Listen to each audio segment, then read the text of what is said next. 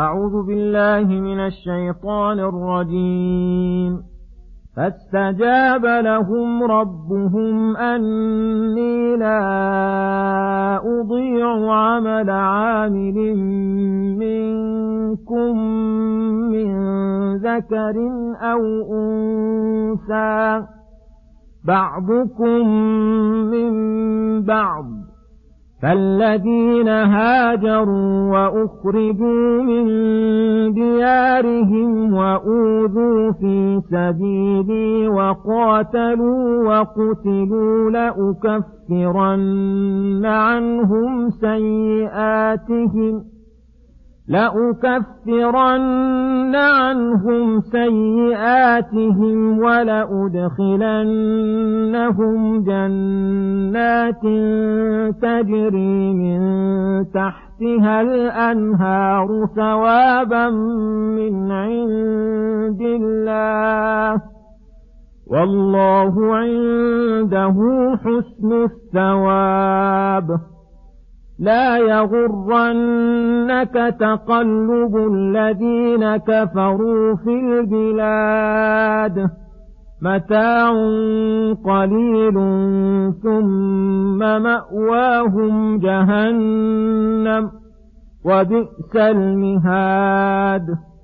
لكن الذين اتقوا ربهم لهم جنات تجري من تحتها الأنهار خالدين فيها نزلا من عند الله وما عند الله خير للأبرار وإن من أهل الكتاب لمن يؤمن بالله وما أنزل إليكم وما أنزل إليهم خاشعين لله خاشعين لله لا يشترون بآيات الله ثمنا قليلا أولئك لهم أجرهم عند ربهم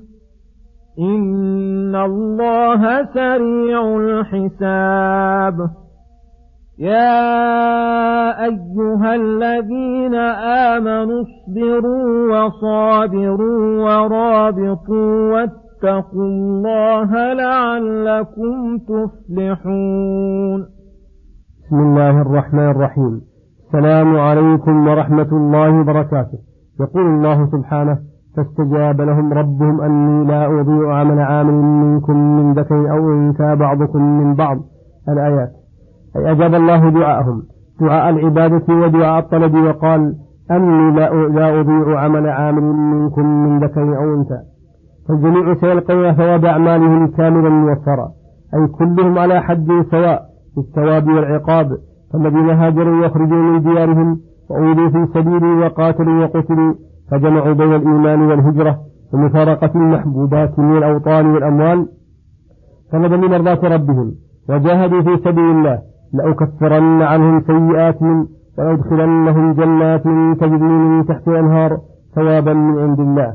الذي يعطي عبده الثواب الجزيل على العمل القليل. والله عنده حسن الثواب مما لا عين رأت ولا أذن سمعت ولا خطر على قلب بشر. من أراد ذلك فليطلبه من الله بطاعته والتقرب إليه بما يقدر بما يقدر عليه العباد. وهذه الآية ثم يقول سبحانه لا يغرنك لا يغرنك تقلب الذين كفروا في البلاد.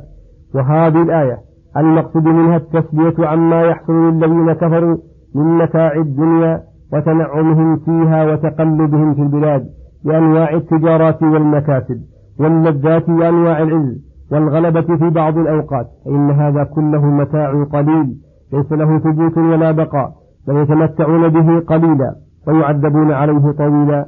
هذه أعلى حالة تكون الكافر فقد رأيت ما تؤول إليه وأما المتقين ربهم المؤمنون به فمع ما يحصل لهم من عز الدنيا ونعيمها لهم جنات تجري من تحت أنهار خالدين فيها.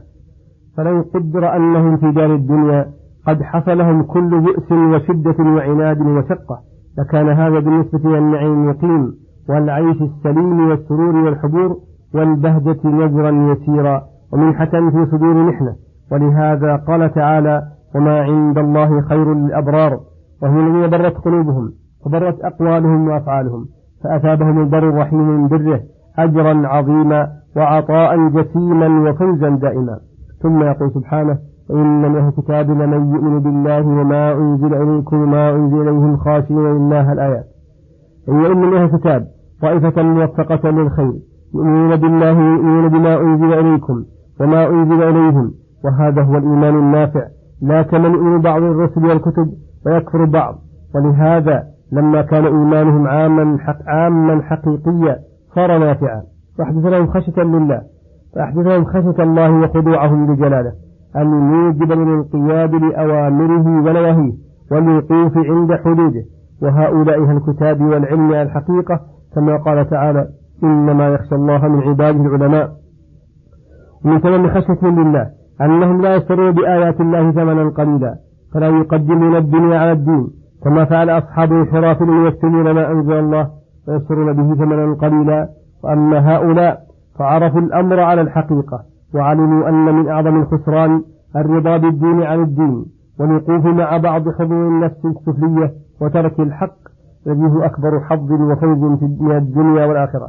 فآثروا الحق وبينوه ودعوا إليه وحذروا عن باطل فأثابهم الله على ذلك لأن وعدهم الأجر الجزيل والثواب الجميل. أخبرهم بقربه وأنه سريع الحساب. فلا يستبطئ ما وعدهم الله لأن ما هو آت محقق حصوله فهو قريب. ثم حض المؤمنين على ما يوصل من الفلاح وهو الفوز بالسعادة والنجاة وأن الطريق الموصل إلى ذلك لزوم الصبر الذي هو حبس النفس على ما تكرهه من ترك المعاصي من الصبر على المصائب. وعلى الأوامر التقية عن النفوس فأمرهم بالصبر على جميع ذلك والمصابرة هي الملازمة والاستمرار على ذلك على الدوام ومقاومة الأعداء في جميع الأحوال والمرابطة وهو نزول المحل الذي يخاف من وصول العدو منه وأن يراقبوا أعداءهم ويمنعوهم من الوصول إلى مقاصدهم لعلهم يفلحون يفوزون بالمحبوب الديني والدنيوي والأخروي وينجون من مكروه كذلك فعلم من هذا أنه لا سبيل الفلاح بدون الصبر والمصابرة والمرابطة المذكورات فلم يفلح من أفلح إلا بها ولم يفت أحدا الفلاح إلا بالإخلال بها أو ببعضها والله موفق ولا حول ولا قوة إلا بالله. تم تفسير سورة آل عمران والحمد لله على نعمته ونسأله تمام النعمة وصلى الله وسلم على نبينا محمد وعلى آله وصحبه أجمعين.